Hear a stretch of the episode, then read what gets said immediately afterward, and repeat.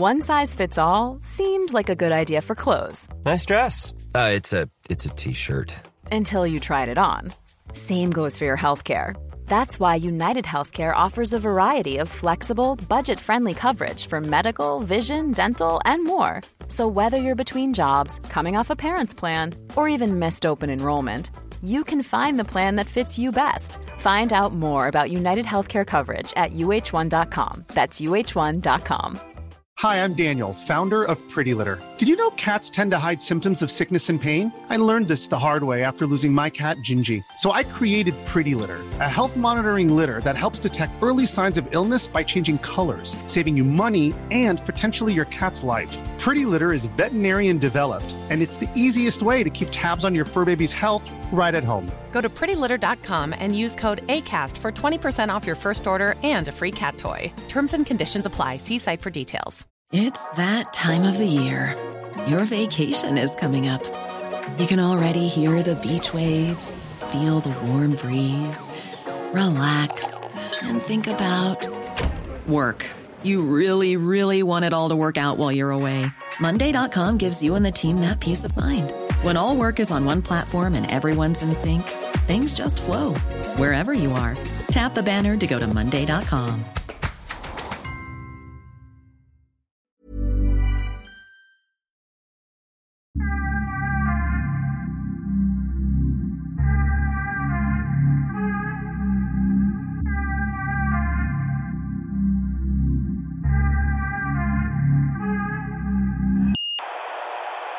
Men vet du vad, det är lite roligt det där, för det finns ett slags band mellan Ryssland och Grekland i hellenismen och Ja, ja. eh, den ortodoxa kyrkan och hela det där.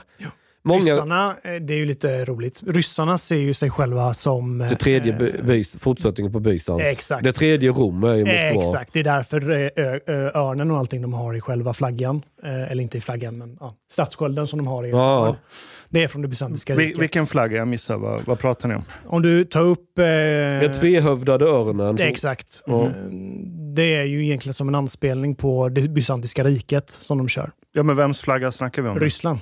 Aha! Alltså Ryssland är ju på något mentalt plan en fortsättning på Bysans. De tror det. Det är lite bullshit. Eller ja, men deras självbild då. Jag sa mentalt Exakt. plan, alltså en Exakt. självbild. Eller... En stor del varför Napoleon ville ha en ryss tjej, det var ju för att han levde i den här drömmen om att han ville förena öst med väst.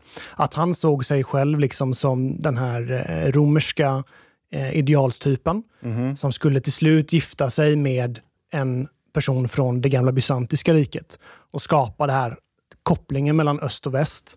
Det EU Sen- försöker göra idag. Nej, exakt. Sen så gick ju det åt helvete eftersom att han fattade att eh, tsar Alexander skulle nog inte vilja liksom, fixa sin dotter med Napoleon. So Napoleon identified as a Roman. Oh ja, jätte. Han var ju egentligen, alltså inte romare var han ju självklart inte. Han är ju, hans familj är ju från eh, Korsika. Mm. Men eh, det är en toskansk adelsfamilj som han kommer ifrån. Så han var trans-roman. Transroman. Det är en riktig grej alltså. Nej. Det är Men är det inte makedonierna som hävdar att... Eh, att Vilka, vilka makedonier pratar vi om nu? ja, vilka, ja, några av dem, jag vet inte. Men som hävdar att Alexander den store är halvmakedonier. Det finns bara en, ett folk som är makedonier och de befinner sig i Grekland, norra delen. De juggarna som bor i det där låtsaslandet, som jag bara gud vet vad de heter nu, de byter namn varannan vecka. De är jugosla- jugoslavier, de är inga greker. Ja, vad heter de nu? De kallar sig Det, Nordmakedonier. de är värre Ja, än bokstavsvänstern Nordmakedonien. för fan på sina namn nu. Men Nordmakedonien Ja. kallar de sig. Ja. Jag vet att greker går väldigt bra ihop med nordmakedonier Ja. och, albaner De med. älskar varandra verkligen. And they like Turks as well. Ännu Turkar med. Det är väldigt bra. Älskar Det varandra. är lika bra kompis med dem som jag är ungefär. Vad har du med för någonting mot turkar? Ja, du tänker så ja. ja, ja. Jag glömde bort nästan. Du glömde Hela- bort nästan. Jag har haft en liten beef, men den pågår än. Ja, jag förstår. Men herr Husis, är inte du lite trans-roman? Nej, det skulle jag inte säga. Alltså, jag har ett absolut intresse för antikens Rom. Men om jag måste välja så väljer jag ju antikens Grekland för antikens Rom. Mm. Ehm, sen finns det ju många, alltså, det är det här oftast problemet är när man börjar prata om antikens Rom. För att antikens Rom, det är en tidsperiod som sträcker sig väldigt länge. Plus att det är inte bara ett statsskick. Vi har i början en eh, monarki som blir till en republik, som blir till ett imperium. Och det är så här, man ska prata om antikens Rom, ah, okej, men då, du måste gå in liksom och säga för vilken del är det du pratar om nu. Och vissa vill till och med sen gå in och prata om bysantiska riket till exempel. Och anse att det är, ett, är det liksom en, eh, en koppling till, eller bara en, egentligen en förlängning på, på Rom. Är inte det en offshoot mer? Det här är ju en Nej, fråga Rom som upp till... delades ju. alltså alltså då- Konstantinopel var ju östra delen av gamla romarriket. Ja, offshoot. Precis. Grejen är ju så här. Hade du frågat personerna som bodde i Byzantien, eller Byzantium, Bysantiska riket, vad de var för någonting, hade de nog väldigt många sagt att de var en del av romarriket. Men då är frågan, okej, hur mycket av romarriket är kvar? De här personerna pratar ju inte latin till exempel, alla pratar grekiska. De har flyttat det helt från Rom till Konstantinopel. Och liksom utvecklingen är ut, utav sådan liksom karaktär att okej, hur mycket kan man byta ut och ändå liksom claima att man är samma sak som man var när det var i, väst, eller i Rom, när det var det västromska riket. Och det är ju en debatt liksom. Men Var det, det, var det inte grekerna som uppfann bögeriet med? nej, det är nog egentligen ehm, eh, etruskerna. Etrus, jaha. Så det är egentligen inte... Och det här med greker och bögeri, hur lång tid har ni? För jag kan snacka i timmar angående det. Ja, men berätta mycket om greker och böger. Du verkar kunna mycket om Ja. det där, den scenen. Så... Först och främst, homosexualitet, det är en modern term. Ingen i antikens Grekland hade någonsin sagt att de var homosexuella. Okej? No, but but they they like to fuck Nej, young guys in the ass. inte fuck. Nej, absolut inte. Va? Alltså, Come on. Okej, okej. Nej, Förekom det Ja. att någon gång en kille knullade en pojke? Absolut, det har jag inga tvivel alls om. Någon gång hände det säkert. Men att det skulle vara ett accepterat beteende som kunde ske, du vet, det var helt öppet för alla, vem som helst kunde knulla vem, det var inga problem. Det är absolut inte så. Och sen får man tänka också så här. Ja. Penetration, själva akten att penetrera någon, det ses som extremt förödmjukande för en antik grek. Så om du måste penetrera någon, då måste det per definition vara någon som är under dig i maktordningen. Yeah. Det är därför det inte är kontroversiellt att knulla en... en får jag säga knulla? Ja, vi, vi är Vad väldigt... tror du? Jag vill bara säga att det är samma sak i Afghanistan. Det Bachabasi. finns inga homosexuella. Exakt. Det är, alltså, det är bara mer en maktgrej. Exakt. Nej, Nej. inte, inte nödvändigtvis vad? en maktgrej, but like maybe it's like an order of hierarchy still. Like it's like something Absolut. maybe... Men det finns enormt många regler som reglerar detta. Och det reglerar också hur du har det själv, själva sexuella umgänget. Så penetration till exempel, till och med när vi pratar pederasti då, som är mellan en äldre man och en yngre eh, kille. Men det är det jag syftar på. Ja. Penetration fanns inte på kartan. Va? Det de gjorde i så fall, det var... Hur grafisk eh, kan Ja, men bara kör, bara kör, bara kör. Så pojken spände låren och mannen la könsorganet mellan låren. Låtsas att det var en tjej han. Ja, ungefär. Och penetrerade på det sättet. Men det är ju inte en anal penetration. No, but that's still a bit gay. Gay, absolut. Yeah. Men, och då får vi tänka, det här är undantagsfall under vissa Hur, hur, specifika... hur kommer det sig att du har koll på detta? För att enormt många människor, så fort man säger man är grek, säger Åh, är du bög då eller? Och då är man tvungen att kolla upp de här sakerna så att man säger nej, låt oss kolla på det där. But, Och but, så the- kan man kolla på det. but do you think like homosexuality is wrong? U- Ur vilket perspektiv? Ditt perspektiv. Mitt perspektiv? Fel. Jag tror vi måste nog diskutera vad vi menar med fel då i så fall. Go for it. Jag vill inte gå nu Jordan Peterson. Yeah, Nej, vi ska börja... Depends on what you defini- mean by happen. Definiera, exakt. Definiera utifrån det. Men okej, om man säger så här, det är moraliskt fel. Varför? Okej, men vi, nej, jag säger inte att jag säger att det är moraliskt fel. okej. Men om man säger det är moraliskt fel. Okej, men vad har du för moral? Och vad är det som underbygger den moralen? För om det är subjektiv moral, ja då är det subjektiv moral. Det är min personliga åsikt då i så fall.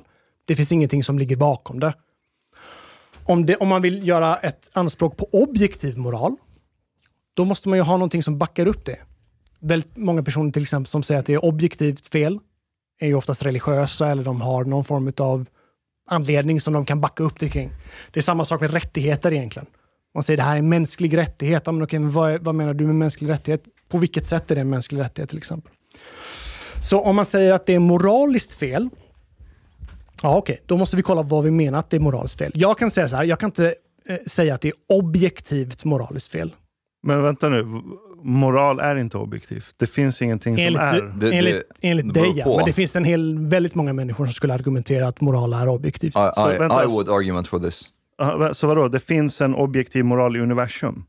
What do you mean? du har missat... Eh, No, moral realism, like you know the Sa- Sam Harris school. Ja, alltså det- Sam Harris har ju ja. helt- skrivit en hel bok om Ja. just eh, Ja, objektiv men jag, jag skiter i vad han har skrivit. Jag- är, är, mo- är moral någonting, hur kan moral vara objektivt? Like, Så, eh, det, fin- ja, du, du kan köra om.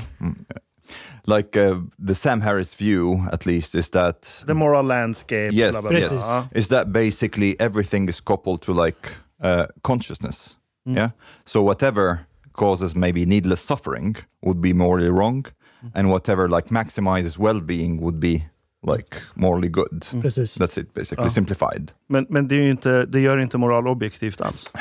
Yeah, Hans- I mean like the semantics, but like he he thinks that there are some things that are good, some things are bad, basically. Han gör det.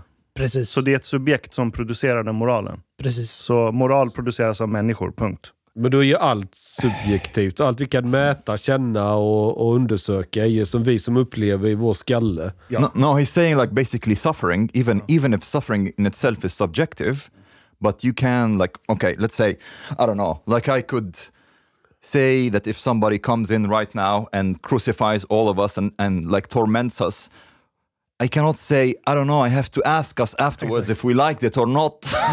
like I can make like it's a subjective suffering, but I can objectively say that generally speaking, Exakt. suffering people don't like. Han sammankopplar, eh, eh, vad ska man säga, han sammankopplar själva sin subjektiva mor- moral med välbefinnande. Yeah. Men, Så- men det finns människor som njuter av att bli korsfästa också. Han tar upp det i boken också, men han säger till exempel så här att om du har en person som av någon anledning bara kaskadspyr hela tiden. Av någon anledning. Att i så fall inte utgå ifrån själva välmåendet kring det när man gör sin objektiva bedömning kring huruvida det är bra eller dåligt, rätt eller fel. Och säga då att Nja, fast vet vi verkligen om hon tycker det är dåligt att kaskadspy hela tiden? Då menar han att det är en irrelevant fråga att ställa sig. Han eh, målar upp två poler ju. Typ den absolut värsta situationen som finns någonsin. Alltså typ, det går inte att du kan inbilla dig en värre situation. like if you basically if whole of humanity is put into hell where there's just like there is nothing but needless suffering Ja, And- och vi ska sträva efter att undvika det. yes and ja. this is like one extreme and he says like if you cannot even grant that this scenario where humanity like ends up in hell suffering for all eternity is bad if you can't even say this is bad then he doesn't know what you're talking Precis. about when it comes to morality then. Precis. Då menar han att din åsikt kring det här är så eh, verklighetsfrånvänt att det inte är någon mening att Nej, men det, diskutera det, det är inget konstigt, det köper jag. Såklart det finns scenarios som är väldigt torterande och lidsamt för jättemånga människor. I get it. Men kan vi bara vara överens om att moral är någonting som människor skapar? Det finns ingen moral i universum. För då är, Det- ni, då är ni väldigt religiösa människor i så fall. Alltså grejen är att det Då är ni påståendet... kreationister nästan. Nej, alltså Nej. det Då påståendet... kan vi bara lägga ner nu. Vi stänger nu. Boka, boka tåget hem igen. No, but this is more of a consequential standpoint. Like if you are judging things by consciousness, if you are thinking that needless suffering of conscious beings is bad, you can say this is subjective or objective, it doesn't matter really. But like basically, needless suffering of conscious being is bad. Ja, det, det, är en moral, det är en moral som en människa har uppfunnit, som jag ansluter mig till. Jag tycker Yeah, yeah. det låter rimligt. But Yes. thi- this is this Yes. is a lot of people like term it as moral realism. Uh, Ah, instead, like as opposed to moral relativity, people will say, "No, we don't know actually." Um, if Okej, like, jag uh, fattar. uh, fattar. Okej. Men jag fattar inte. Ska homosexuella avrättas eller inte? Vad sa du? Vi kan skippa, vi kan skippa nej, nej, nej, men jag, fall. Vad, vad, vad, vad, vad står det där då? Så, jag kommer inte ens ihåg var jag var någonstans när jag Nej, pratade. men, om det. eh, ho- homosexualitet, moraliskt. Subjective Just det, moral, exakt. ja. Eh, nej, som jag sa, jag kan inte på ett rationellt sätt argumentera att det finns en objektiv grund för att homosexualitet är fel. Mm. För jag är inte religiös på det sättet. Jag är inte så att jag kan hänvisa till Koranen eller Bibeln eller säga att eftersom jag inte tror på de trossatserna så blir det hyckleri om jag skulle hänvisa till dem. Så det jag får göra helt enkelt är att utgå från en subjektiv moral. När jag säger att ur mitt, min subjektiva åsikt så måste man utgå ifrån, okej, och det här är egentligen, eh, själva grunden går egentligen bortom homosexualitet i, i sig egentligen. För det infaller eh, ett dekadent beteende i sig som är det problematiska. Inte nödvändigtvis det homosexuella i sig, utan det är själva livsstilen där man tar ett aktivt val. Och homosexualitet behöver ju nödvändigtvis inte vara så att man lever ett dekadent liv också. Det kan ju vara så att man har bara sexuella eh, drifter mot män eller det gemensamma eh, könet helt enkelt. Är det ett aktivt val? Att vad?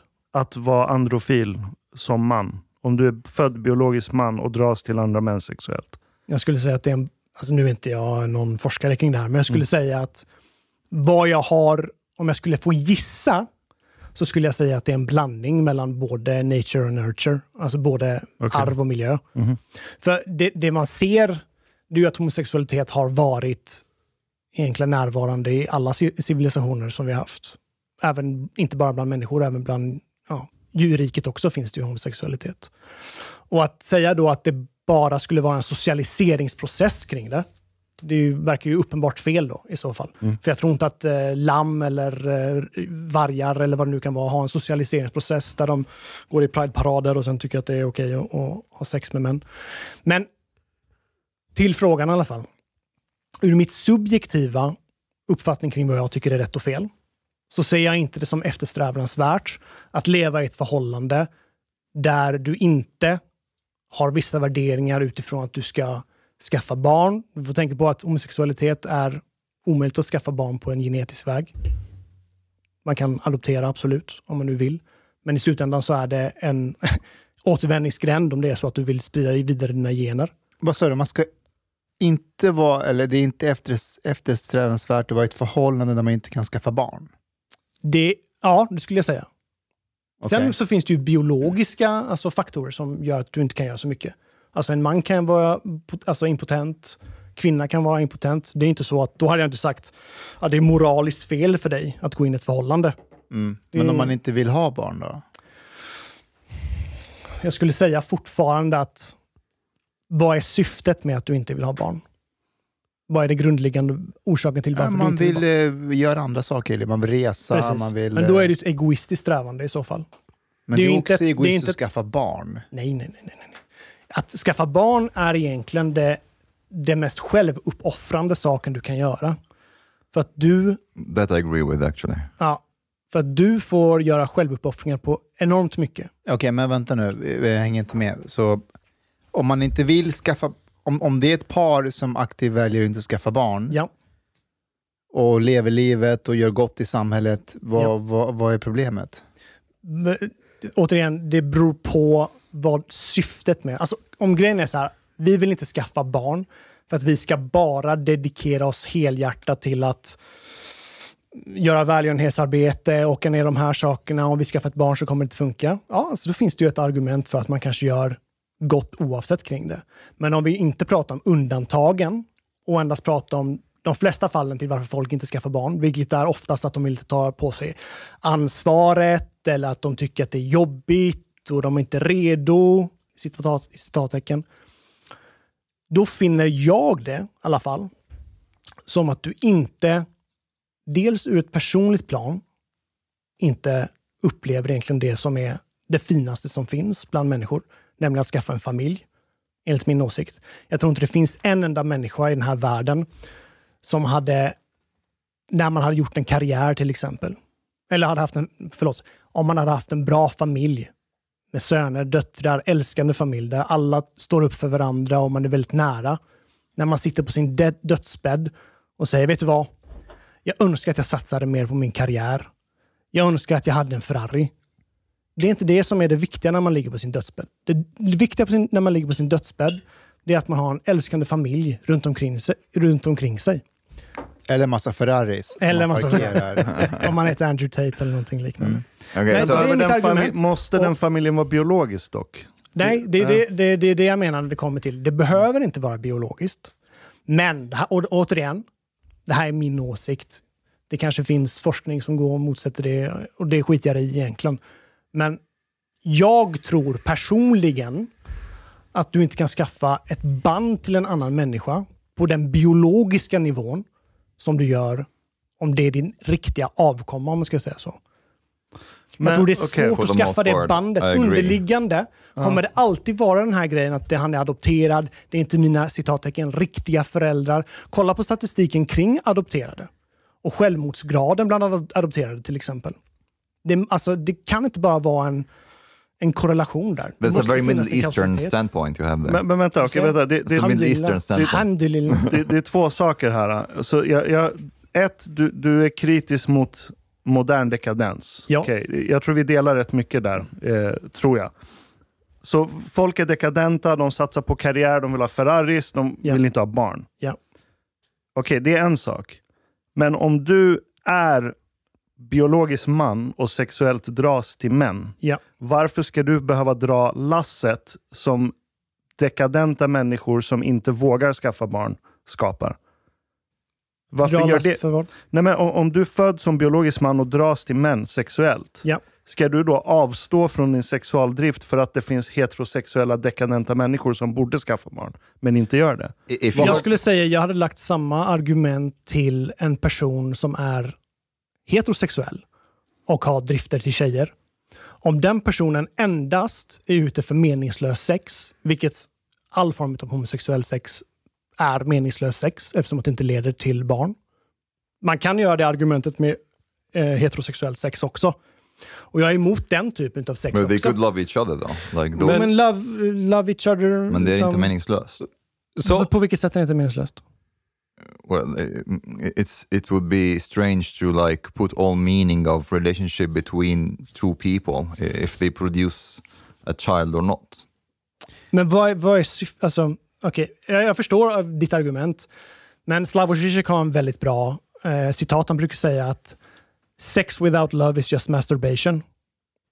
Och på visst sätt så har han rätt. Yeah, but I'm saying that maybe they love each other. These two guys. Jo, Så- men absolut. Men vad är syftet? Det är det mitt problem är. Ja, men okej, om, om, om båda inte är fertila då? Säg att båda, har, eh, båda kan skaffa barn biologiskt och så älskar de varandra och har sex. Är det meningslös sex de har då? Hey, I'm Ryan Reynolds. At Mint Mobile, we like to do the opposite of what Big Wireless does. They charge you a lot, we charge you a little. So naturally, when they announced they'd be raising their prices due to inflation, we decided to deflate our prices due to not hating you. That's right. We're cutting the price of Mint Unlimited from $30 a month to just $15 a month. Give it a try at mintmobile.com slash switch. $45 upfront for three months plus taxes and fees. Promo rate for new customers for limited time. Unlimited more than 40 gigabytes per month. Slows. Full terms at mintmobile.com. There's never been a faster or easier way to start your weight loss journey than with PlushCare. PlushCare accepts most insurance plans and gives you online access to board-certified physicians who can prescribe FDA-approved weight loss medications like Wigovi and Zepbound for those who qualify. Take charge of your health and speak with a board-certified physician about a weight loss plan that's right for you. Get started today at plushcare.com slash weight loss. That's plushcare.com slash weight loss. plushcare.com slash weight loss. Till viss del, ja, absolut. Det är ju bara njutning egentligen. 100% njutning endast. Ja, och att de firar sin kärlek genom att ligga och komma i varandras ansikte. Vad är problemet? Mitt problem är med all form utav, eh, all form utav aktioner som är 100% njutning. Det var, var jag problem. Okay, if I am trying to understand man måste lida lite också eller? Nej, men det måste finnas en underlig... Alltså, när, man, när man drar in på alltså typ homosex kring det så blir det en laddad fråga. Men jag har sagt, jag hade gett er samma svar om Men det hade om- varit heterosex som är eh, helt... Eh, Om man tar sambon i tvåan, då är det ju inte bara 100% njutning. Då går det bra. but, but this Nej. is but Okay. this is like a semi a semi religious um, viewpoint, not necessarily like without the religion necessarily. That basically a relationship, a sexual relationship, has to have as the highest or main purpose is to produce children. Ja, basically. absolut. Primära, absolut. Sen säger jag inte att det inte kunde, kan finnas sekundära och sådana här saker, anledningar kring det. Men de är inte lika viktiga som det primära målet. Alltså, jag är, jag är väldigt eh, färgad av eh, stoisk eh, värderingsmoral. Och där säger de, eller där säger de, det man argumenterar för, det är att all typ utav all typ utav handlingar eller saker som sker där det per 100% endast är njutning, eller 100% bara är ilska, eller vad som helst när du agerar utifrån någonting som inte är rationellt eller utifrån eh, dygdighet, det ska du avstå ifrån. Så det är därför jag ger dig samma svar till Yeah. heterosex som jag ger till homosex. But but you seem to be like um, to me equating love and pleasure as one and the same thing a little bit, don't you think? Nej, eh, kärlek, Ja. det är det dygdiga i det. Mm. Kärlek är någonting som är separat från lust eller liknande. Om du förstår vad jag menar. Kärlek och lust, det är två helt olika saker. Är det två helt olika saker? Absolut. Helt olika saker. Varför är kärlek meningsfullt då? Är inte det också en njutning? Det är väl en av de mest kraftfulla psykoser Absolut. du kan få? Eh, och jag skulle säga att kärlek jämfört med lust. Det här är ju egentligen, om man vill gå in rent bibliskt kring det här, så finns det ett intressant koncept. Deras, det bibliska argumentet är ju att eftersom Satan inte kan skapa någonting själv, så måste han förvrida saker som Gud har skapat. Så deras argument är ju att kärlek, det är någonting som Gud har skapat.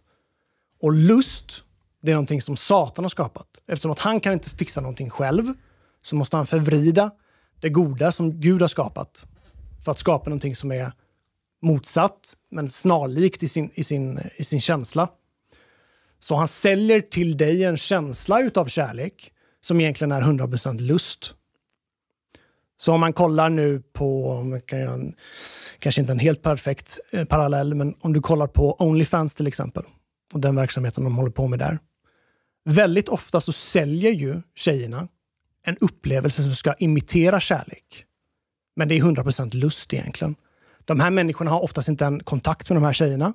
Men de skriver i DM och försöker vara jätteengagerade i dessa människors liv och ja, fråga hur deras dag har varit och försöker ge dem flickvän-känslan. Flick, Flickvän as a service. Exakt. Men det finns inget bakomliggande. Så det är mitt argument. Okej. Skillnaden mellan kärlek och lust. Där har jag en mer biblisk eh, tolkning.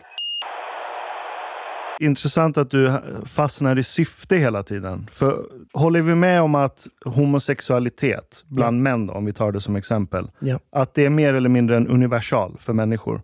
Studerar du stamsamhällen så Ja. hittar du alltid någon form av androfili.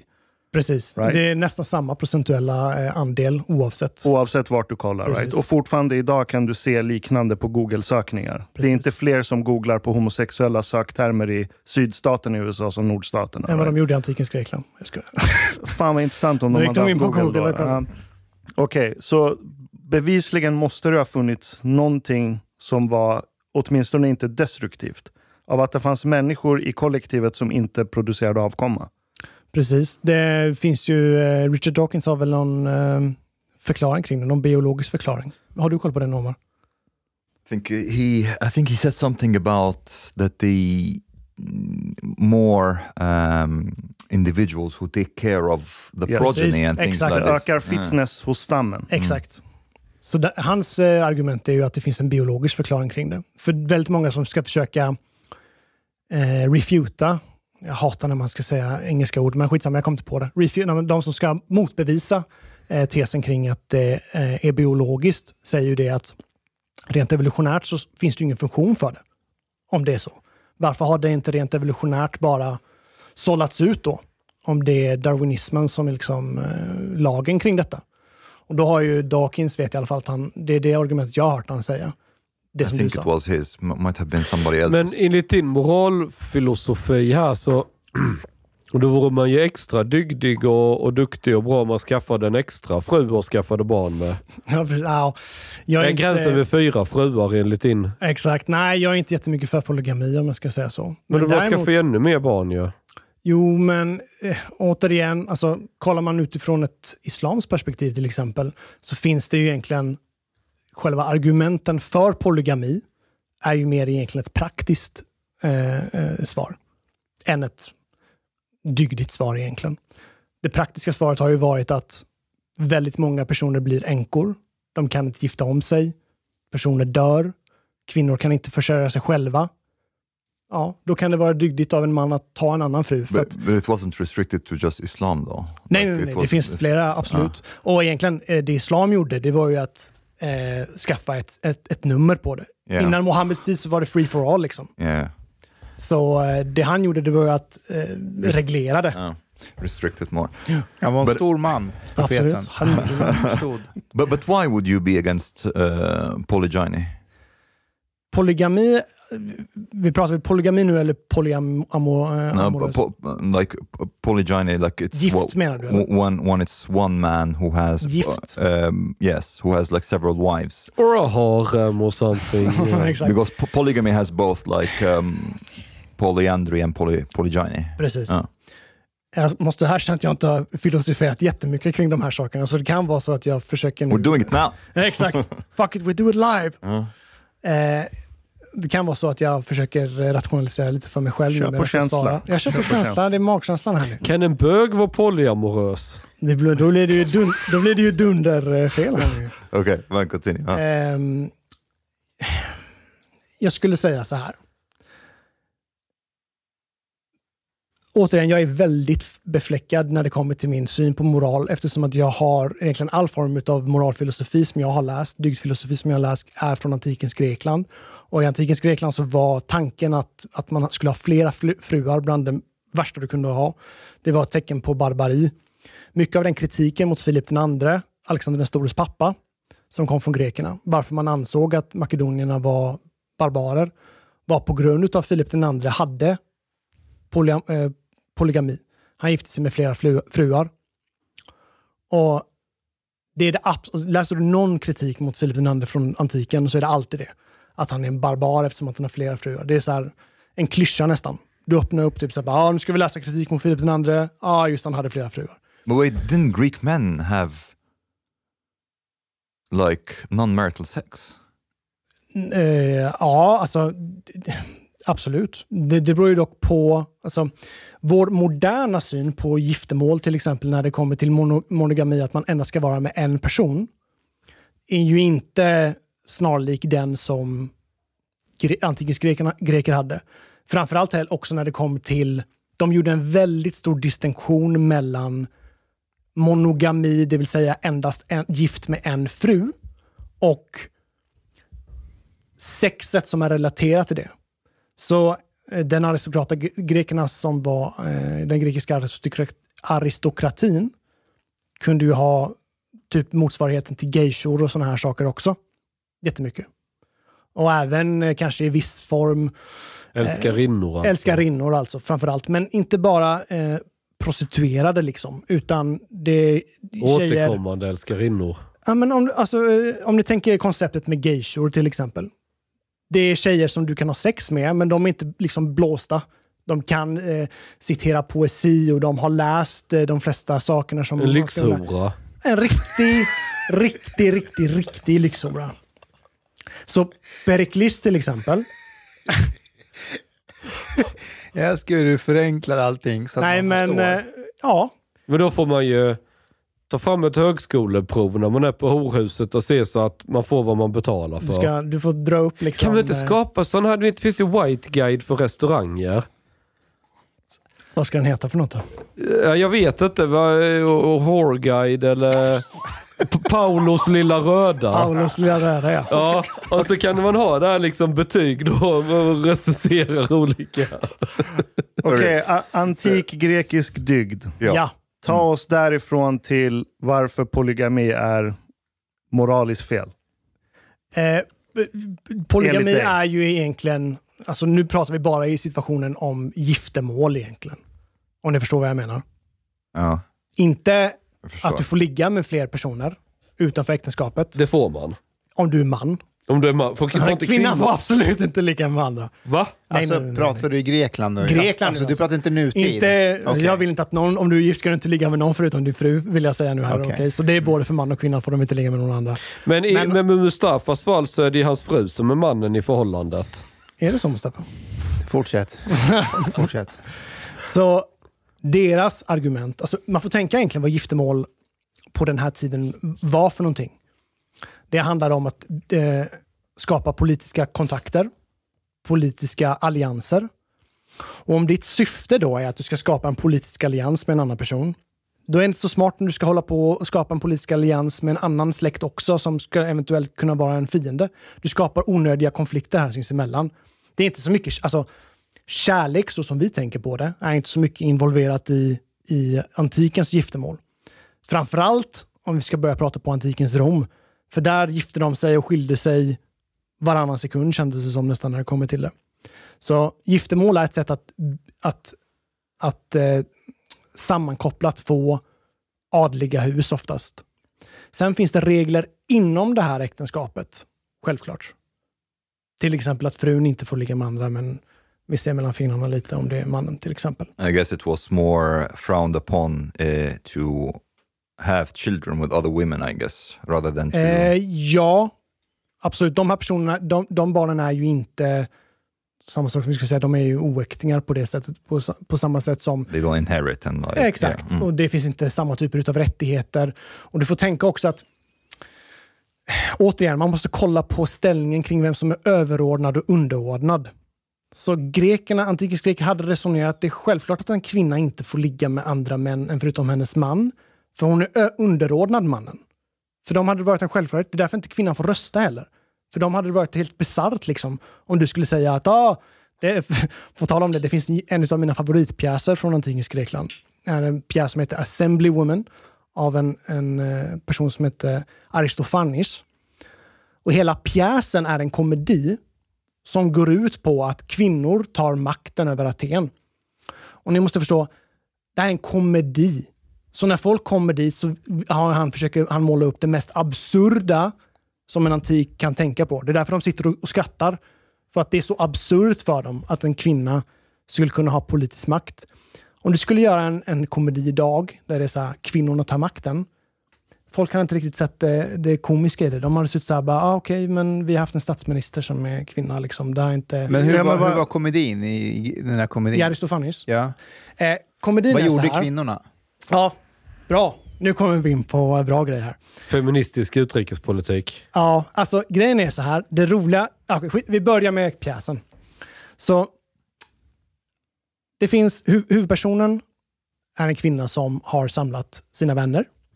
Och de har fått nog liksom på eh, att inte få ha inflytande. Så de väljer att klä ut sig till män och gå till eh, agoran, alltså själva mötesplatsen. Så de har på sig de här fejkskäggen och du vet, ja, alla skrattar och tycker det är jättekul att kvinnor har på sig fejkskägg och fejkkläder och allt det här och kommer upp. Nobody's laughing now! Nej, exakt. Och så eh, sitter de och övar liksom, för att de kan ju inte prata med sin ljusa röst. De försöker prata med mörk röst och du vet, komma upp och övertala och liksom att det måste vara jättetydligt. Och det roliga är att när män ska säga någonting så säger de ju liksom vid Zeus till exempel. De säger en, en, en manlig gud alltid när de ska svära på någonting. Men kvinnor brukar svära på kvinnliga gudar. Så de säger vid Hera eller vid Afrodite eller någonting liknande. Och det spelar, anspelar de också på att när de ska hålla de här talen så säger de så här vid Afrodite, eller jag menar, jag menar vid Zeus, vid Zeus menar jag, och sådana här saker. Och folk skrattar och tycker det är kul. De kuppar i alla fall igenom detta. Så de lägger fram ett förslag när de är utklädda till män. Att kvinnorna ska få makten. De, det är typ det här argumentet. Vi har sett vad män har gett oss, eh, bara krig, elände, misär. Nu är det dags för kvinnorna som... Och de lägger fram de här argumenten. Du vet, kvinnorna har hand om hemmet. Det är ju självklart att de ska då kunna ha hand om nationen. De är bra organisatörer. Kolla på vad de gör. Was, was all this in the comedy? Det här är komedin, ja. It started pretty far away. Ja, men det, vi tycker, vi, du vet, vi, alltså en modern person ser inte riktigt kopplingen. Men man måste se det med deras Ja, glasögon. Mm. För dem är det här helt bisarrt. Att en kvinna skulle gå upp och liksom säga de här sakerna. För, för greker är det För, bisarrt. för grekerna, precis. Antikens greker. Så De kuppar igenom detta, kvinnorna för makten. Och de börjar genast implementera en form av typ protokommunism nästan. Så allting blir, gemen, allting blir gemensamt. Eh, inga, inga barn ska tillhöra, barnen ska inte veta vilka, vilka deras föräldrar är. Utan barnen ska eh, växas upp och, och eh, fostras av det gemensamma. Liksom. N- när skrevs den här komedin? Det här är typ 400 före Kristus. Well, that's, that's uh, Plato also. Eh, Platon eh, pratar om det i Republiken också, med det här överfolk och sådana grejer. Men det här är från pjäsen.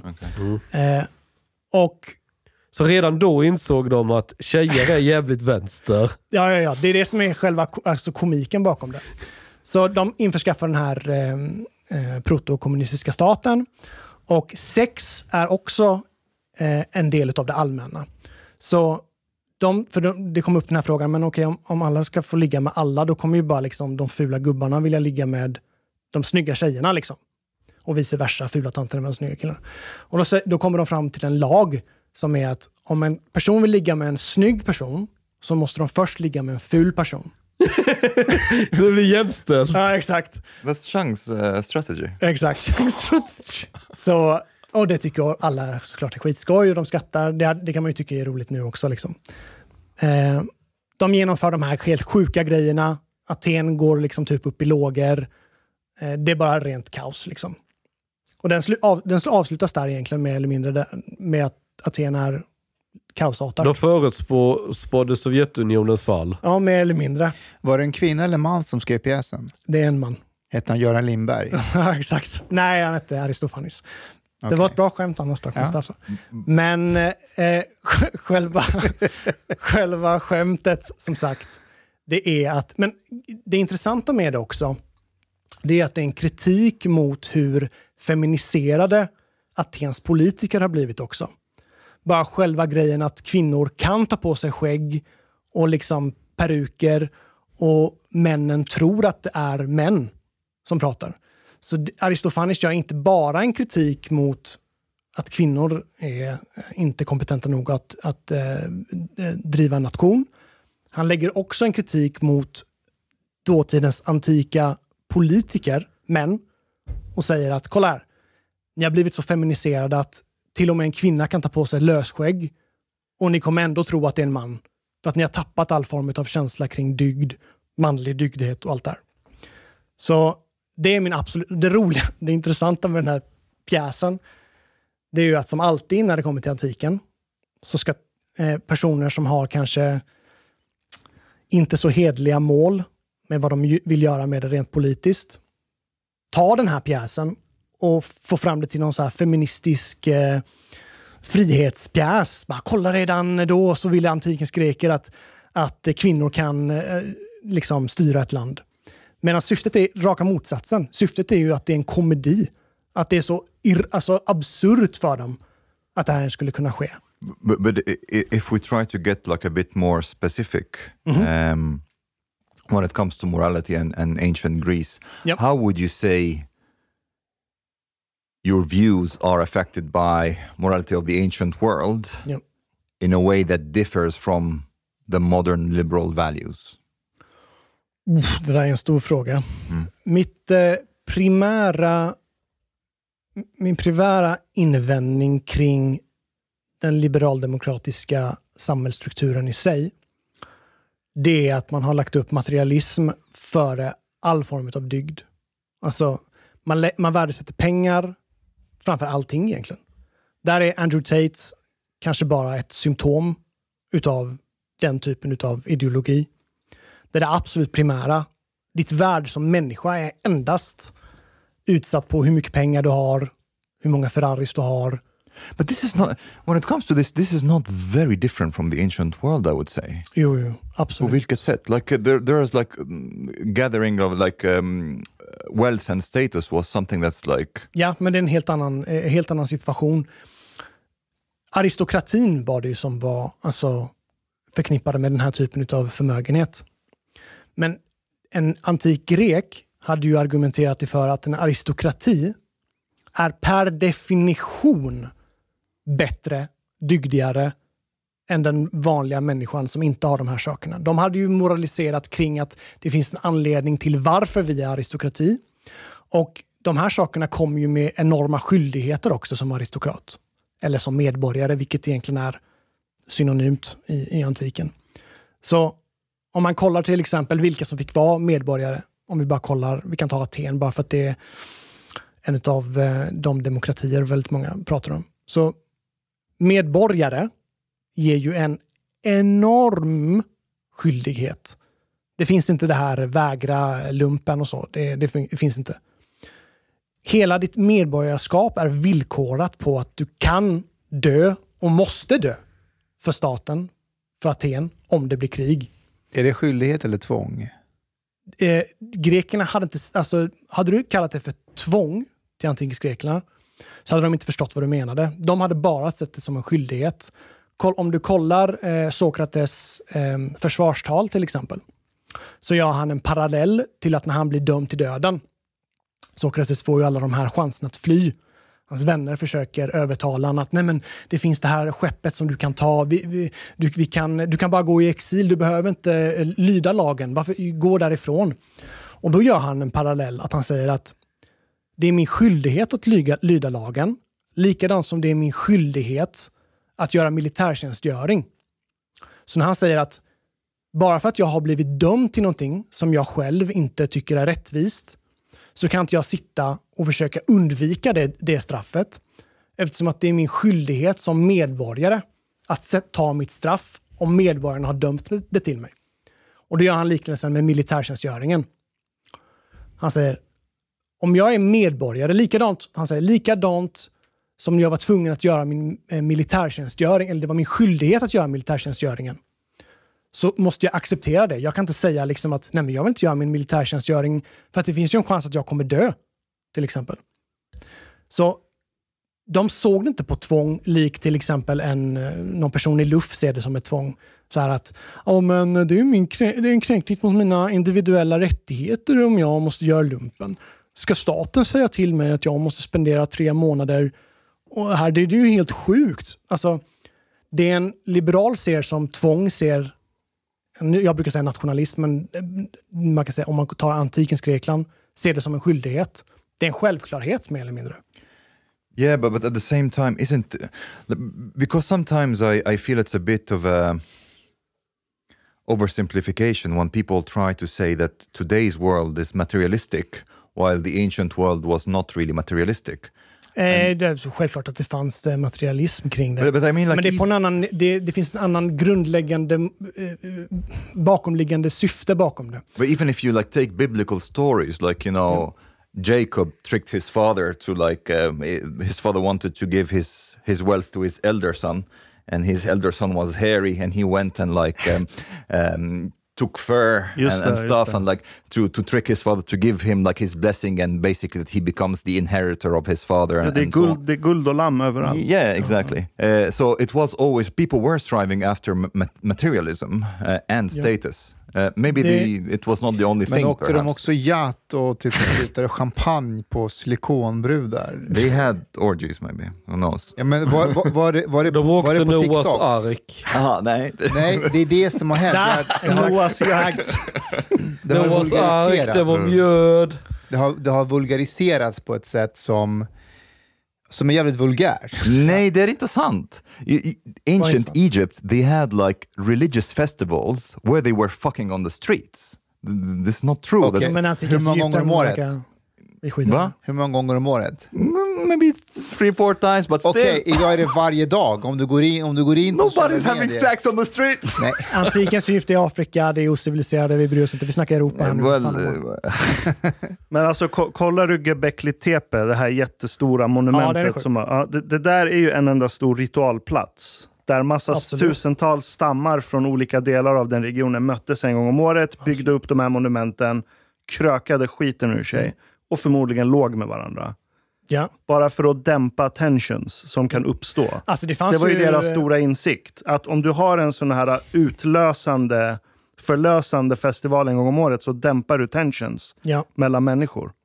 Jag är inte jätteinläst på eh, jag vet inte, Göbekli Tepe eller hur man uttalar det? Göbekli Tepe Göbekli står det i alla fall. ja. Var ligger detta någonstans? what, what do you have against Turkiet. Turkiet, ja. Ja.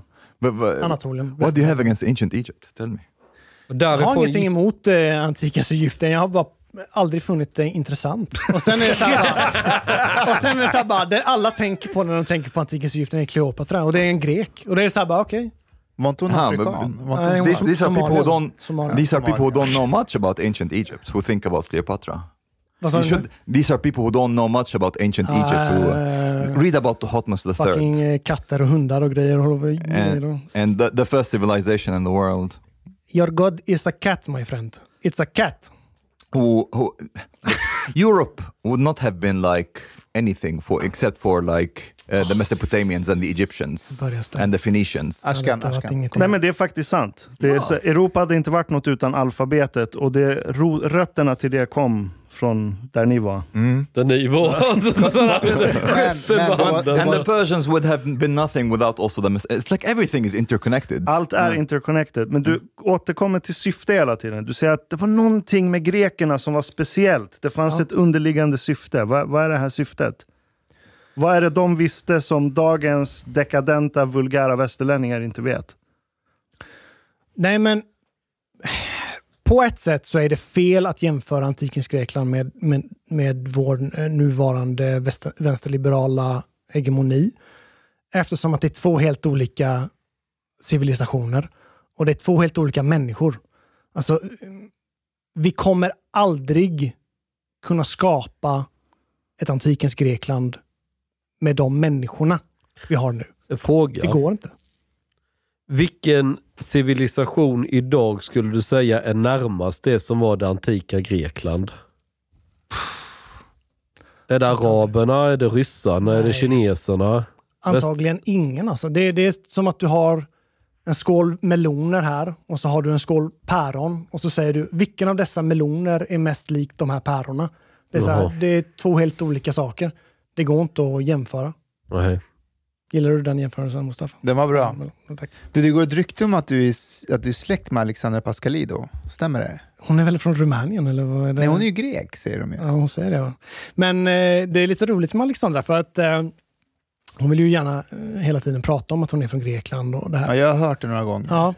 Men kollar man på artiklar som, som florerade kring tiden då de kom till Sverige så säger de ju ingenting om Grekland. Men det du enda vet de ju- säger är Rumänien. Men du Och vet att, ju inte om det är hon som har skrivit dem. ja, men det är ju typ så här nyhetsreportage. Ja, exakt. nu så. trillade polletten ner. det fattar jag. Eh, Aron Flam får komma in och... Men, men eh, hur, hur har det blivit så då? Alltså, är, vad är då? Rumänien och Grekland, det är ändå en bit ifrån, eller? Eh, det är en bit ifrån. Men, Men är hon... inte det typ samma land egentligen? Men är det att hennes mamma är därifrån och pappa Alltså, från jag det, tror så här, hon är säkert, det är säkert att det är bara greker som har, att det, det är greker som har bott i Rumänien liksom. Och sen så flyttade de från Rumänien till Sverige. Men det jag tycker bara är intressant att hon aldrig nämner Rumänien när i alla artiklar som man kollar på tidigare, när de har gjort ett reportage om familjen Pascalido och sådana här saker, då är det bara Rumänien de nämner. De bara pratar om Rumänien hela tiden. Och de säger så här, ja men i Grekland hade jag aldrig, aldrig velat bo i, typ så här säger de. När de Ja. har fått de här utvisning, eventuella utvisningsbesluten och, och så. But for, forget about Pascalido and, and Mustafas uh, vendetta with her. But Jag, jag gillar... Okay, so Ashkan's question Yeah. was what what exactly that the Greeks in ancient Greece Yep. um, like believed in or how they were organized in a way that is different from Yep. society today or not organized but what what exactly is better there Först och främst, Ja. nu kanske jag droppar lite, lite kontroversiella uttagningar här nu. Mm. Men jag är inte någon förespråkare utav eh, den, en vänsterliberal eller liberal demokrati överlag överhuvudtaget. Jag kommer ihåg att jag hade en, en diskussion med en, eh, en tjej för några veckor sedan. Vi diskuterade lite politik och hon bara, typ när jag la fram de här poängerna, hon bara, "Jaha, så, du så du vill inte att kvinnor ska få rösta eller? Och jag bara, jag är inte så säker på om jag vill att någon ska få rösta, om, jag är ärlig. Eh, och om man kollar på eh, demokratier, framförallt antikens Grekland, så är det ju Aten de flesta tänker på. Men det intressanta när man läser samtida källor som pratar om Aten. Så är det, alltså jag tror inte det finns en positiv röst om demokrati i, i Aten. Alla är mer eller mindre att de tycker att det här är en helt sjuk idé och att det inte funkar. Och det första, största exemplet de pratar om det är ju Sokrates, att, de, eh, att en demokratiskt vald församling dömde han till döden. Aristoteles är ju tvungen att lämna för han säger att han, han vägrar låta demokrati synda två gånger. Och jag börjar mer och mer gå över till den uppfattningen att om demokrati ska funka så måste man villkora den på enorma nivåer. Typ på de nivåerna som antikens Aten gjorde. Där det är liksom, okej, okay, du vill rösta? Okej, okay, då måste du ha detta uppnått, detta uppnått, detta. Du måste ha gjort militärlumpen. Du måste ha en inkomst. Du måste vara en del av detta. Alltså det går inte att liksom, det som vi har gjort. Det- svensk medborgarskap. Jag har i- gjort lumpen. Jag betalar faktiskt skatt och jag skäms för att säga det, men Ja. jag gör det. Ja. Jag uppfyller ju sådana där kriterier. Ja. Men du skulle nog ändå inte vara trygg med om sådana som jag fick rösta. Chang, du kanske vi kan ge ett pass till. Men Med en stämpel i. med, med en stämpel, du kan få en rådgivande roll Jaha. till vår framtida monark. What could possibly go wrong? Exakt, till vår framtida Ja, monark. men jag, jag sköter den här NATO-ansökan. Lita på Exakt. mig. I fix, I fix. Nej, men, eh, Aristoteles lägger ju upp tre stycken olika statsskick. Så han pratar om demokrati, styrandet av många, eller många som styr. Oligarki, få som styr, några som styr. Och monarki, en person som styr. Om man kollar på vår moderna demokrati, det vi kallar demokrati, så är det helt uppenbart att det inte är en demokrati. Hur mycket inflytande har egentligen jag över den demokratiska processen? Noll. Jag lägger en lapp i en låda var fjärde år och hoppas på det bästa. En lapp av 10 miljoner, okej inte 10 miljoner, men så många som det är som är röstberättigade, alla miljoner. But one, one could say the people have power though. Absolut inte. Folket har absolut ingen makt överhuvudtaget. Jag rekommenderar, folk som vill läsa mer om detta rekommenderar, det här är faktiskt den boken som rödpillrade mig mest kring detta. Det är en bok som heter The Populist Delusion utav Nima Parvini. Där han går igenom faktamässigt kring hur lite folk faktiskt har att säga till om när det kommer till politiken. Han går igenom en studie som visar att mindre än 1 procent utav de, lagstift- de lagar som passerade i USA till exempel var deriverade från folket. Alltså att det fanns en folklig opinion mot det. Han går igenom, så till exempel då, det finns, han går igenom fyra myter. Och det här är mycket baserat på elit, eh, italiensk elitteori kallas det. Tänkare som Wilfred, Wilfred Pareto, Gaetano Mosca, Robert Michels och liknande. Där de pratar om att tanken att det har funnits någon form av bred rörelse bland folket som genom sin vilja har fått igenom politiska initiativ är en illusion. Det har alltid varit så att det är en liten organiserad minoritet som sätter agendan och som styr. Kolla på, om vi kollar bara på samtida händelser, där det har varit citattecken folklig liksom, stöd kan man säga. Okej, vi börjar med gula västarna. Enormt folkligt stöd i Frankrike. Vad fick de för pol- politisk inverkan? Noll. Ingenting. Donald Trump. Och, De hade ju eh, bara en fråga, var inte det? Jo, jo, men då borde det vara ännu enklare. De har inget manifest ens. Det är en sak de vill få igenom. Sänka ens den- bensinskatten. inte ens det kan de få igenom. Okej, nummer två. Donald Trump och stormningen av Kapitolium. Vad hände? Ingen organisation, ingenting. De springer in, ser ut som idioter. Får eh, spendera resten av, sitt, eh, resten av tiden i fängelse. Ingen organisation, ingen person som är bakom det. Noll politisk inverkan. Nummer tre. Bensinupproret här i Sverige. Vad har de fått åstadkomma rent politiskt? Några ören billigare. Nu, men det finns ännu mer här. Yeah, but I mean, isn't this like an oversimplification though? Because, like, even if it takes time and even if the process is not very precise, but when when people care about like some issues, take here for example, like people are starting to care more about like criminality or or migration and so on. More are voting towards uh, for SD, and they are putting pressure to try Yeah. to to bring that will of the people. Like um, How's that working out for you? Som Dr. Phil hade sagt. Well, I mean, it is at least policy-wise. It's it's Det kommer inte hända ett skit. So Inte you, don't you don't think like SD if SD was in power, they would be exactly the same as as if it was Nej, Socialdemokraterna. man måste, man måste se, äh, särskilja på fa, äh, makt som är de jure, det vill säga rent juridisk makt, alltså du sitter i en regering, och de facto makt. Den praktiska, den riktiga verklighet, verkliga makten. Om Sverigedemokraterna hade suttit i regering hade de varit på, på pappret på mak vid makten. Men i, det verkliga, i verkligheten har de tagit makt över, överallt, But, över y- ingenting. You're saying like let, För let's att assume myndighetscheferna, domstolarna, alla tjänstemän, alla de här hade varit emot dem. De har inte de personerna bakom sig. Har de inte de här personerna bakom sig så kommer det bli som med Donald Trump.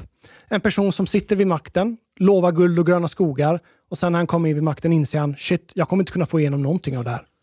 Det ligger faktiskt en poäng i det, vi har varit inne på det här också, att eh, det är rätt vänster eh, i, kring i myndighets-Sverige. Ja. Men, men vänta, vi, det känns som vi blandar ihop saker här igen. Om vi i teorin leker med tanken att 80% av alla som har rösträtt i Sverige Ja. på något magiskt sätt går ihop, bildar ett nytt parti med något Ja. jävla manifest Ja. och så får de makten. Ja.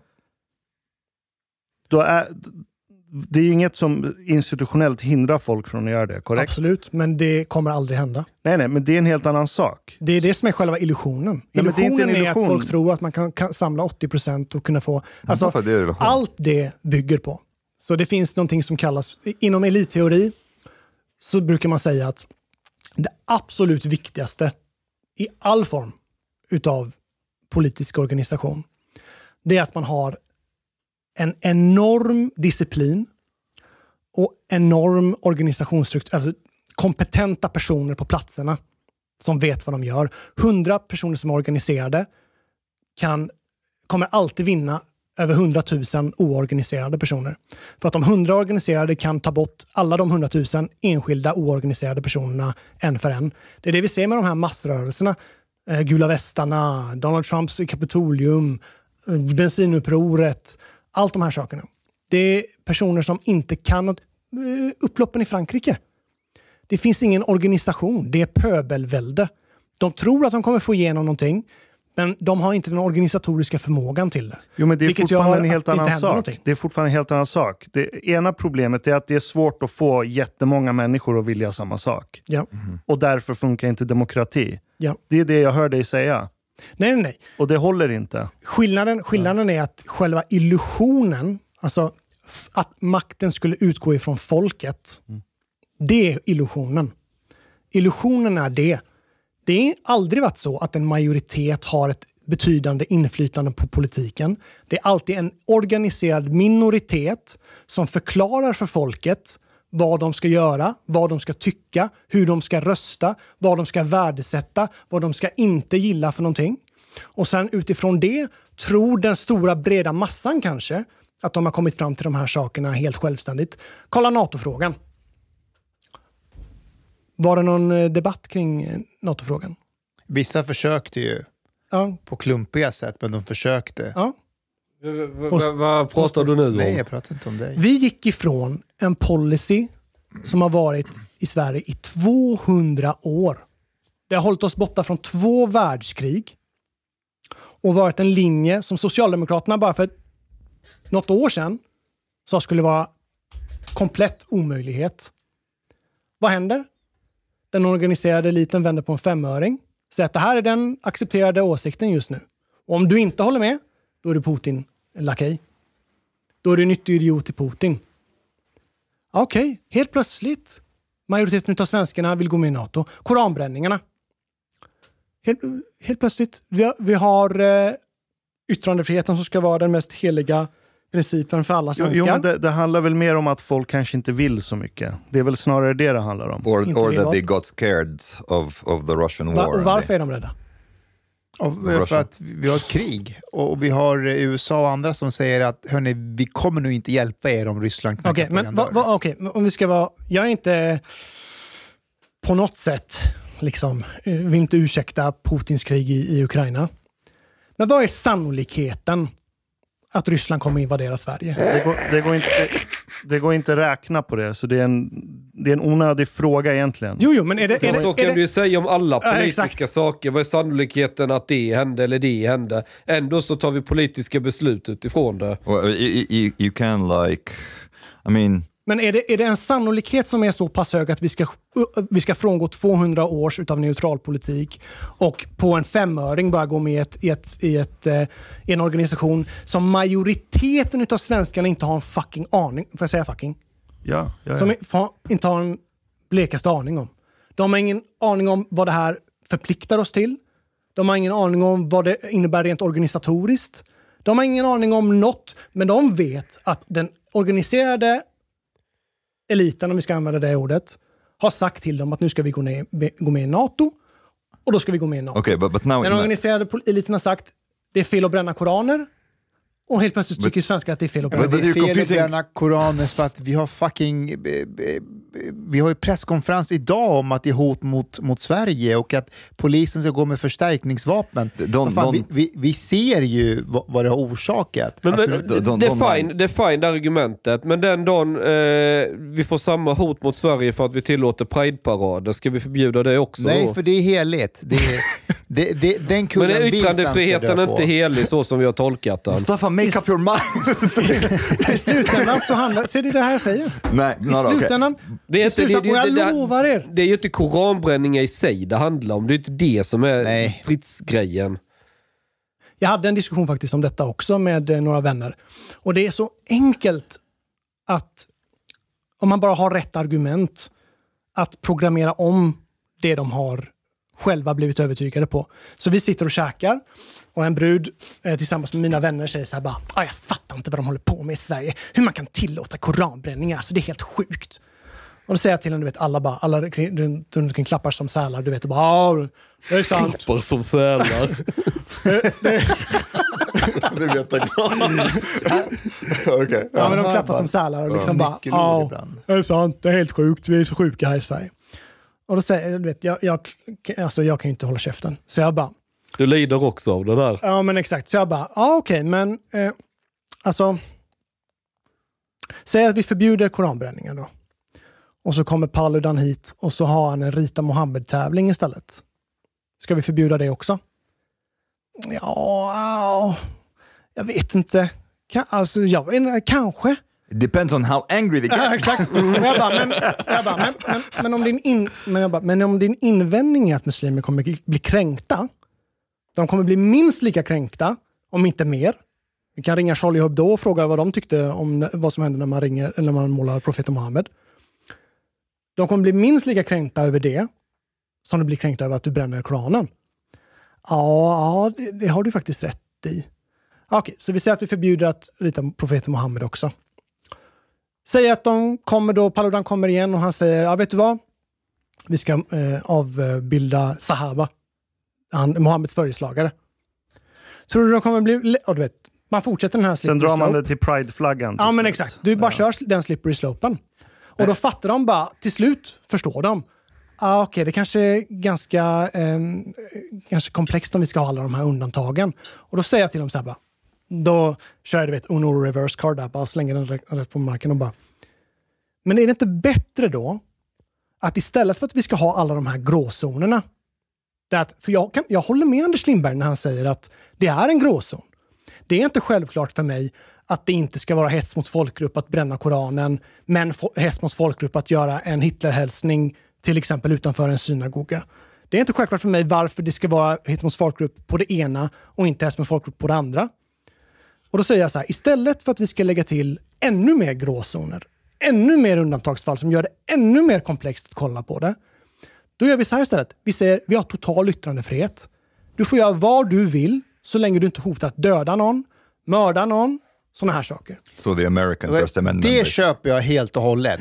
För att om, om vi inte har det som, om, om, vi, om vi kör på hets mot folkgrupp, då är jag på Anders Lindbergs sida. Att Mm. om, ska, ska vi följa lagstiftningen, då faller faktiskt koranbränning kanske eventuellt under hets mot Precis. folkgrupp. Jag finner det irrationellt att, Ja, att argumentera. men om vi tar bort det helt, fine. I want då, to do First Amendment, but uh, this this thing with also like Quran burning, like I, I don't know how they would do it practically, because if you ban just the Quran burning, well, people can go and piss on the Quran. Jo, men What- exakt. Det, det, är det, det, är det, du vet, det är det man bara behöver köra. Man behöver bara köra den slippery slope. Jag ska bara säga att det kommer man inte filma när någon pissar. Alltså, Spit on it. Aftonbladet kommer, Expressen inte filma någon som pissar på en koran. Men man kan, göra, vad kan man inte Spit göra. Elisabeth Olsson Wallin istället för ett krucifix som man doppar i ett kar med piss. Du vet hon gjorde ju den, Piss exakt. Christ. Så kan vi göra uh, Piss Koran då ja, så do, doppar man den. Alltså, Alltså, samma grej. Det, det är inte så. Att folk har brist på att vara kreativa. Vad är det som inte skulle funka? Vad sa du? Va? Skulle, skulle inte folk bli upprörda om man gjorde en... Eller, Jo, jo. Mm. No, no, it won't work to just ban the Quran burning. Nej men precis. Ja. Du, det enda du gör det är att du, du skapar bara ännu mer gråzoner. No. Som gör att de här så kommer ju folk aldrig vara så kreativa som då med att hitta på nya sätt att... Nej, exakt. But but uh, what what you're saying before, if we go back to like the Na- NATO and, and all that, you- you seem, Demokrati. uh, you seem Ah, to be just- like uh, confusing, uh, to me at least, confusing two things: the will of the people, and if it's like maybe the people don't know what's good for them. Because if if like the people want to be in NATO, and they get to be in NATO, then the will of the, people has reached, like you know, has been implemented. You know what I mean? So, but det, det, beror so- på, det beror på hur du definierar folkviljan. Om folkviljan är det folket tycker är bra efter de har fått det godkända narrativet från den organiserade eliten. Ja, alltså då är det kanske folkviljan då. Men, But that's men like you can't är- really draw that line. Det Like, du säger är det, det godkända narrativet, det kan ju också vara att man presenterar olika idéer. ja. Och att folket lyssnar på de idéerna från olika sidor och bestämmer sig för vilken idé som är bäst. Fast Nej. Vänta, vänta, vänta. Let him speak. Ja. problemet med det argumentet det är att det förutsätter ett, att folk har ett intresse att faktiskt ta del av samhällsdebatten. 90, okej, vi ska inte sätta en siffra, men en stor del utav människor skiter fullständigt i politik. De vill gå till jobbet, de vill komma hem, de vill grilla lite, förhoppningsvis hoppa i säng med frugan, ha det Eller lugnt man. och Eller skönt. man. Eller man. Det är viktigt. Det är viktigt. Eller älskarinna eller konkubinen. konkubinen. Så, de, så länge de där sakerna, att ungarna håller käften, de, så länge de sakerna är klara för många människor, så skiter de fullständigt om vi är NATO, eller Bato, eller Mato. Men det är sant. De skiter fullständigt Det har, det har du helt rätt i. Det är Ja. därför man röstar i en låda vart fjärde år. Nej men på Precis. riktigt. Därför att man bryr sig inte om alla enskilda frågor. Det gör inte människor. Därför säger man, det där partiet tror jag ligger närmast mina idéer kring de flesta frågor, så vi köper dem. För vi har ju inte direkt demokrati. Precis. Och att alltså, vi har ju det här, det finns ju det här partiet Direktdemokraterna som vill eh, fixa det. Alltså, det hade varit det värsta någonsin. All right, but, Folk hade tröttnat. what I Folk har hear, tröttat, men folk har inte, de har inte kompetensen till de här sakerna. what, what I hear Ska du is, gå till en person som inte har en koll på någonting och be han att driva ett hel, en hel nation? Vad är det som ens ger han den kompetensen att kunna ta beslut om vi ska vara med i NATO eller inte NATO? De här människorna har ingen koll. so what I hear that you're implicitly making an argument for dictatorship or absolute monarchy.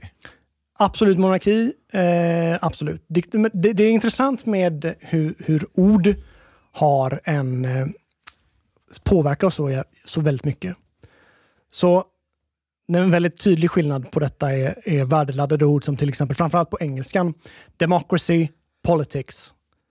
Politics har en väldigt negativt laddad eh, samhörighet. Mean. Or, Ja, exakt. Är likadant här i, om man hade sagt monarki, så har den en väldigt positiv, eller ja, till viss del positiv eh, konnotation här i Sverige. Folk tänker på liksom snälla Karl XVI Gurra och liksom de här personerna. Wha- som är wha- så what would be the trevliga. difference between like monarchy and absolute monarchy and dictatorship? Like, isn't it like in, in practice the same? Ja, alltså i, i praktiken är det ju detsamma. Men konnotationerna, det är det jag bara vill säga. Konnotationerna Mm. Aha. är intressant. För att när folk ja. tänker diktatorer så tänker de Stalin, de tänker Hitler, Mao. Tänker de ja, men vi vill ha monarki, då tänker de liksom ja, men det är Karl XVI så- så- Gustav och Ja. kronprinsessan Victoria. Och det är så. Fast vä vänta, du, du, det är en sak du säger som är sant, som jag håller med om. Och det är att så, ah, i varje paradigm i historien som du kollar, så Ja. kommer det alltid vara en liten minoritet Ja. Som listar ut hur informationsflödena kan användas till din egen fördel. Yes. Right? Och det är oftast av slump. Det är ingen konspiration. Precis. Right? Typ de som bodde nära hamnen eh, och kunde läsa och skriva när tryckpressen hade gjort sin genombrott. Det var de människorna som plötsligt ville eh, göra beslag på makten. Precis. Och Det gav oss franska revolutionen. Right? Precis. Så av ren tur och lycka och slump så råkar du tämja informationsflödet. Och då blir du den här eliten, korrekt? Ja, Så är det genom hela historien. precis. Så, så det du beskriver som att det finns en elit som har paketerat ett narrativ, det låter som en konspiration, som att de medvetet gör Elit är det. dåligt, men det är bättre att säga organiserad minoritet egentligen. Det är en organiserad minoritet som vet hur informationsflödena funkar. I alla fall Precis. de gamla informationsflödena. Ja, Ja, exakt. precis. M- Gamla medier och allt sånt. Där kan de kontrollera narrativet. På Precis. internet kan de ju inte kontrollera narrativet. Right? Ingen av Precis. riksdagspartierna fattar hur internet funkar. Exakt. Okej. Och det är där oftast man pratar om att bygga upp parallell, parallella maktsystem. Det är oftast det Sverigedemokraterna gör nu egentligen med Riks och sådana här saker. Exakt, exakt. Men, men det, det, här fenomenet, det kommer du ju aldrig komma undan. Oavsett Precis. om du har monarki, diktatur eller whatever. Exakt, exakt. Så Det är varför egentligen- är då monarki mer användbart än demokrati? Ja, eh, det är absolut rätt det du säger. För du beskriver en tumör, men tumören kommer vara där oavsett om det är... Precis. Eller tumör, tumör. Det, det kommer alltid vara så. I think Precis. maybe is your argument that the people basically don't know what's best for them, and Precis. it's better to have like a how to say a, guardian over the people. Exakt. Dels, det finns många perspektiv till varför jag anser att monarki är bättre än, än eller vi kan säga monarki, skitsamma, än, eh, än eh, demokrati. Det primära orsaken är egentligen hållbarhetsprincipen kring att vad du har för tidspreferenser. En regering som kommer in nu har fyra år på sig. Och de måste fixa resultat nu.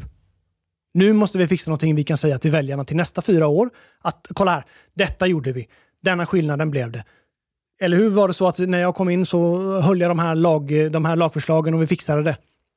Rösta på mig igen så vi kan göra det här igen ännu bättre. Det måste gå snabbt, det är kortsiktigt, det är inte långsiktigt. Det är som att jämföra personer som hyr en lägenhet och personer som äger sin lägenhet. En person som hyr en lägenhet kommer inte Bry sig om bry sig om att fixa underhållet. Att liksom vara, vara försiktig med att liksom inte hälla ner skiten i, i eh, avrören och de här sakerna. För Kungen däremot. Ja, du vet, Hans barn ska ärva det här Exakt, landet. Han exakt. tar hand om det. exakt. Men monarken har ett helt annat perspektiv. Hans perspektiv det är att det här är någonting som kommer gå i arv. Det här är mitt att förvalta. Fuckar jag upp detta så fuckar jag upp allting för mig själv. En, en eh, misslyckad monark brukar inte liksom sluta så bra. But monarchy doesn't have like a great track record though. Har demokrati en bra track record? Det vet vi inte. I, I would say it's a better track record than monarchy. Det skulle jag inte säga. like I would say I would say it's much more it has been much more likely throughout history that democrat, uh, democratically elected governments at least have some desire not to to go too much against the will of the people in a way that monarchs don't really need to to do like if you're an absolute monarch you don't really need you, especially by like um, as time goes on your there is like a more and more distance that gets created between you and the masses and you don't really care about them so much Då skulle jag säga att du är en dålig monark. Men skillnaden där är att du kan ha dåliga, dåliga demokratiska regeringar också. of course but then they can be um, removed a monarch cannot be removed Replaced an even worse uh, democratic government. Sure sure sure demokratiskt. whatever but uh, Alltså, det här är problemet som jag nämnde innan. Det primära anledningen det är preferensramarna, eller tidspreferensramarna. Du kan ha ett helt annat hållbarhetstänk. Varför kunde Tage Erlander göra det han kunde göra när han var, eh, eftersom att han, när han regerade 23 år? För att han regerade fucking 23 år. Han kunde tänka som en monark. Tage Erlander kunde tänka på ett helt annat tidsperspektiv. I hans värld var det helt uppenbart att Socialdemokraterna skulle sitta vid makten. Hans största problem var om de skulle få 49 procent eller Exakt. 51 procent. Exakt. Han behöver inte sitta och tänka fuck eh, Amina Kakabaveh kanske fuckar allting för mig. Han behöver inte ha huvudvärk och de här jäkla liksom Mikael Yüksel. Okej, han är irrelevant. Men liksom, han behöver inte ha den här eh, huvudvärken. Okej, det, det finns en poäng i det. Men monarkier som har överlevt länge, Ja. vad har de gemensamt? De har en sak gemensamt. Och det är att det har alltid varit andra instanser som har haft koll på monarken. Det... Du har ingen monarki som har överlevt länge, och om det är hållbarhet som du använder som argument här, att det håller länge. Du har ingen monarki, eller gammalt rike eller imperium eller whatever, som har hållit länge, där du inte har haft ett prästerskap Ja. och de som dominerar näringslivet, Ja. som håller monark, de håller varandra i check. Ja. Så du har den här trion av terrorbalans hela tiden. Ja, perfekt. Exakt. Och det, du kan till exempel se det i antikens Rom till exempel med kejsaren som inte bara har, han är inte bara kejsare, han har senaten, han har alla de här personerna som är hans rådgivare, alla de här sakerna. Sen förlorar senaten makt och så självklart, men det finns en instans för det. Det finns en delad, det är därför jag säger, det är inte nödvändigtvis så att vi bara, om man skulle ha en monarki, att man bara måste ha en kung. Du kan ha en, en senat, du kan ha de här sakerna också. Och vet du vad jag tror? Jag tror att om du hade åkt tillbaka i tiden och frågat de här monarkerna i en rum, när ingen annan hör vad de säger. Hur känns det att kunna styra över alla och ha det här långsiktiga perspektivet? Då kommer hans berättelse låta ungefär som en vanlig väljare idag, eller en statsminister idag, eller någon som sitter på en myndighet. Han kommer säga att Vadå styra över alla? Jag har prästerskapet Exakt. här, they're busting my balls. Exakt. Jag har godsherrarna här borta, they're busting my balls. Jag har ingen fucking makt, det är de där prästjävlarna som har makten. Exakt. Och så kommer han säga exakt så. Och det är ju det vi ser nu. Det vi tror är att folket har en vilja och så röstar de igenom det och så ska det hända något på en sekund. Nej, det är för att det finns en terrorbalans här också. Mm. Du har en exekutiv bransch som i Sverige blir, vad blir det, regeringen typ, eller? Ja, exakt. Lagstiftande, dömande och verkställande. Precis. Sen har du en juridisk bransch, du har högsta domstol, du har massa instanser som ska ha terrorbalans. Ja. För att du inte ska... För att ju komplexare ett, en organisation blir, desto större risk är att du fuckar upp alltihopa om du gör en för snabb förändring. Inte Skill-? Ja och nej, men skillnaden är att en regering, framförallt en svag regering, som vi ser nu, som sitter egentligen i riksdagens, på riksdagens händer när det kommer till de här sakerna. Den har inte den här ventilen som till exempel romerska kejsare hade. Romerska kejsare hade någonting som hette imperium. Det betyder att de har rätten att befalla. De kan, om de vill, peka med hela handen. Sen behöver de inte göra det, men rätten finns där. Kolla en sån som Augustus till exempel, den första kejsaren. Han ville hela tiden måla upp det mer eller mindre som att han inte hade imperium. Att han var, han kallade sig aldrig kejsare, han kallade sig den första mannen i senaten och såna här saker. Alltid försökte spela ner sin egna makt. Imperator är väl det korrekta? Ja, precis. Det är det som, är, eh, det är det som ordet kommer ifrån. Eh, och, men om han ville så fanns ventilen där för att peka med hela handen. Dagens regering kan inte peka med hela handen. För att de har för många personer som de är beroende av.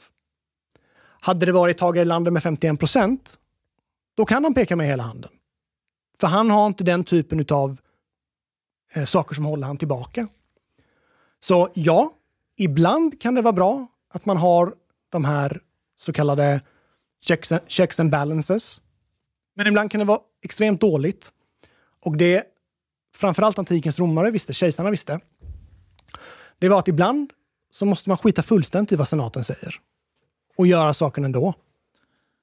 Och tyvärr så var det ofta så att de personer som skit fullständigt i vad senaten gjorde, de fick oftast en dolk i, i sidan. Men Jag tänker på måste- presskonferensen. Man säger att det som är lagligt och ska vara lagligt är inte alltid nödvändigtvis lämpligt. Ja. Och det, det, det känns som det är en kastrerad befälhavare som saknar den här ventilen. Då, då låter det så. Precis. Och I grundläggande så är det så att man förstår inte vad makt är för någonting. Det var mycket skriverier nu när Greta till exempel, hon sa det här, eh, man kan inte rädda landet om man följer lagen eller något sånt där sa hon. Och alla bara blev skitarga. Bara, "Ah, det är det sjukaste jag har hört. Hur kan man säga något sånt där? Man måste följa lagen. Men på ett sätt, alltså ett sätt har hon rätt och ett sätt har hon fel. Men på ett sätt har hon rätt. Och det är att du kan inte, om du måste hela tiden förhålla dig till de här sakerna, så är det ett tecken på att du inte har imperium. Du har inte makten kring det. När Napoleon är i Egypten och han ser hur franska direktoire och de som är ansvariga och innan dess idioterna i, i jakobinerna och Robespierre och allt det här terrorn som var innan. När han ser allt detta och förstår att det finns inget sätt att rädda republiken utan att göra statskupp. Och man har suttit på sina händer där och bara Nej, men vet du vad? Man måste följa lagen. Nu har jakobinerna sagt att det är så och då är det så. Då hade Frankrike gått åt helvete. Men han åker från Egypten, gör statskuppen i Brumaire och säger, vet ni vad? Nu ska vi se vad makt betyder egentligen. Makt betyder den som sitter på våldskapitalet. Om ni inte ger mig makten, ja, då kommer det hända lite dåliga saker här. Och han tog makten till någonting positivt. Hade det inte skett, som sagt, Vänta, tror inte det vem, vem pratar vi om bättre- nu? Jag tappar tråden. Napoleon. Napoleon. Napoleon okej. Jag tror inte det finns ett, Mm. ett bättre exempel på en upplyst despot som, än Napoleon. Och ibland är det så att man kan inte vara så extremt fyrkantig när det kommer till när man får igenom sina mål. Problemet med, det tank, med den tankegodsen, det är såklart att vem som helst som har kanske inte lika bra motiv och syften som Napoleon hade, kan ta det argumentet och säga fuck it, jag måste göra detta för att min övertygelse är så stark. It's not just that. There's like also a very big defect with with monarchy. Like on one hand, yeah, you do have like a long-term vision that you are still like you, are kind of like have this whole country for your like uh, children, grandchildren, and so on. But in this also lies a defect because you don't know how your children and grandchildren Precis. will be. Det är Maybe they will be defekten. like totally. Det är defekten. Och det var det romarna faktiskt gjorde rätt. För det romarna gjorde, det är ett praktexempel på det här varför biologiskt eh, eh kan gå till helvete. Det är ju Marcus Aurelius och hans son Commodus som är en av de bästa kejsarna, Marcus Aurelius. Hans son är en av de sämsta, Commodus. Men det romarna fattade, det var att ibland så ger inte biologin oss de bästa barnen. Och då måste man adoptera. Så det romerska kejsare gjorde hela tiden, det var att de adopterade personer. Som du var kejsare och så såg du att en annan person var mycket, mycket mer lämpad till rollen än vad din son var. Så adopterade du den här personen bara. Det var så Marcus Aurelius fick sin tron, Antoninus Pius innan. Han var, han var adopterad, eller hur? Aurelius? Ja, precis. Ja. Hadrianus också. Eh, Antoninus Pius, han som regerade innan Marcus Aurelius. Det var en, en, en, en beprövad metod i antikens Rom. Där det var så här att, oh shit, min son är dum i huvudet.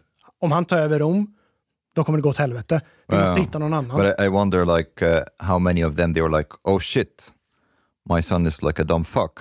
But what to do? It's my son. Det, det, var, det var det som var felet med Marcus Aurelius. Mm. För att han sa, han bara, okej, min son är dum i huvudet, men jag kan förändra honom. Han gav ju han till exempel jättemånga höga poster, för att han tänkte så här, men jag ska förbereda han. Han kommer ändra sig. Om han bara får känna lite makt, då kommer han förändra sig. Han kommer inse alltså, ansvaret när han väl sitter på det. Han gjorde inte det. Jag, jag hoppas du inte tar det här på fel sätt. Men jag, jag ser fler likheter mellan dig och Greta eh, än du kanske tror. How dare you! Nej, men jag, båda ni upplever ett kaos. Ja. Du, du ser västerländsk dekadens Ja. och vulgarism och materialism. Ja. Eh, där överlappar ni också. För, för hon går emot materialism också. Hon ser ett kaos. Hon ser att världen håller på att lösas upp. Ja. Och lösningen på det, så, så ni har en nihilistisk utgångspunkt, skulle jag säga. Men all nihilism behöver inte vara destruktiv. Vi, vi kan komma in på det sen. Ja. Det, det behöver inte vara något dåligt. okej? Men frågan är vad man gör med sin nihilistiska insikt. När Precis. du märker att saker håller på att förändras, we're losing control here. okej? Precis. Eh, det är steget efter som avgör om du kommer vara en konstruktiv eller destruktiv nihilism. Exakt. Greta har en bild i sitt huvud om att en gång i tiden fanns det någon sorts harmoni. Och det är den här harmonin hon vill återskapa. Och hon är villig att gå till tvång och med våld tvinga folk Ja. att återskapa den här harmonin för allas bästa. För folk vet inte vad som är bra för dem. Den vanliga människan, den förstår inte. Right? Det är därför hon måste bryta lagen, göra vad som helst som krävs. Och jag hör dig säga samma sak. Det är bara att ni plockar två olika historier, eller illusioner skulle jag säga, från förr. Och så försöker ni installera det i nutiden för att lösa det här kaoset. Hon går till någon sorts religiös idé om jordklotet som någon så här fin harmonisk cirkulär Gaia. Eh, Din cirkulära Gaia är kejsarna som satt där. Skillnaden är egentligen att jag är en Okej. Du har lyssnat så här långt. På sista måltid. En mycket fin radioprogram i Sverige. Du tycker det är mycket trevligt. Men, min vän, lyssna på mig nu. Du har inte betalat biljett på klubb sista måltid. De har dom grabbarna de behöver pengar. Flis. Lax. Stolar. Dirabilar. Lyxhotel. Du vet. Då måste du betala om du ska lyssna mer. Du får många fler avsnitt också. biudande, helt enkelt. Läs i beskrivning för avsnitt, där det finns information för att bli medlem på klubbista måltid. Det kostar som en mycket liten kaffe latte ute på torget. Per månad. Lätt som en plätt. Tack,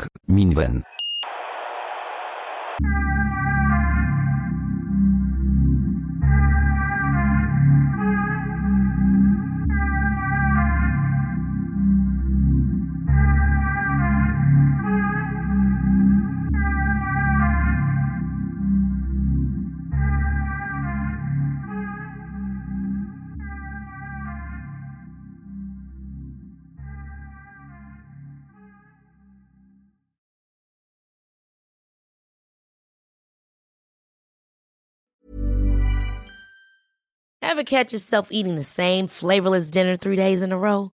Dreaming of something better? Well, HelloFresh is your guilt-free dream come true, baby. It's me, Kiki Palmer.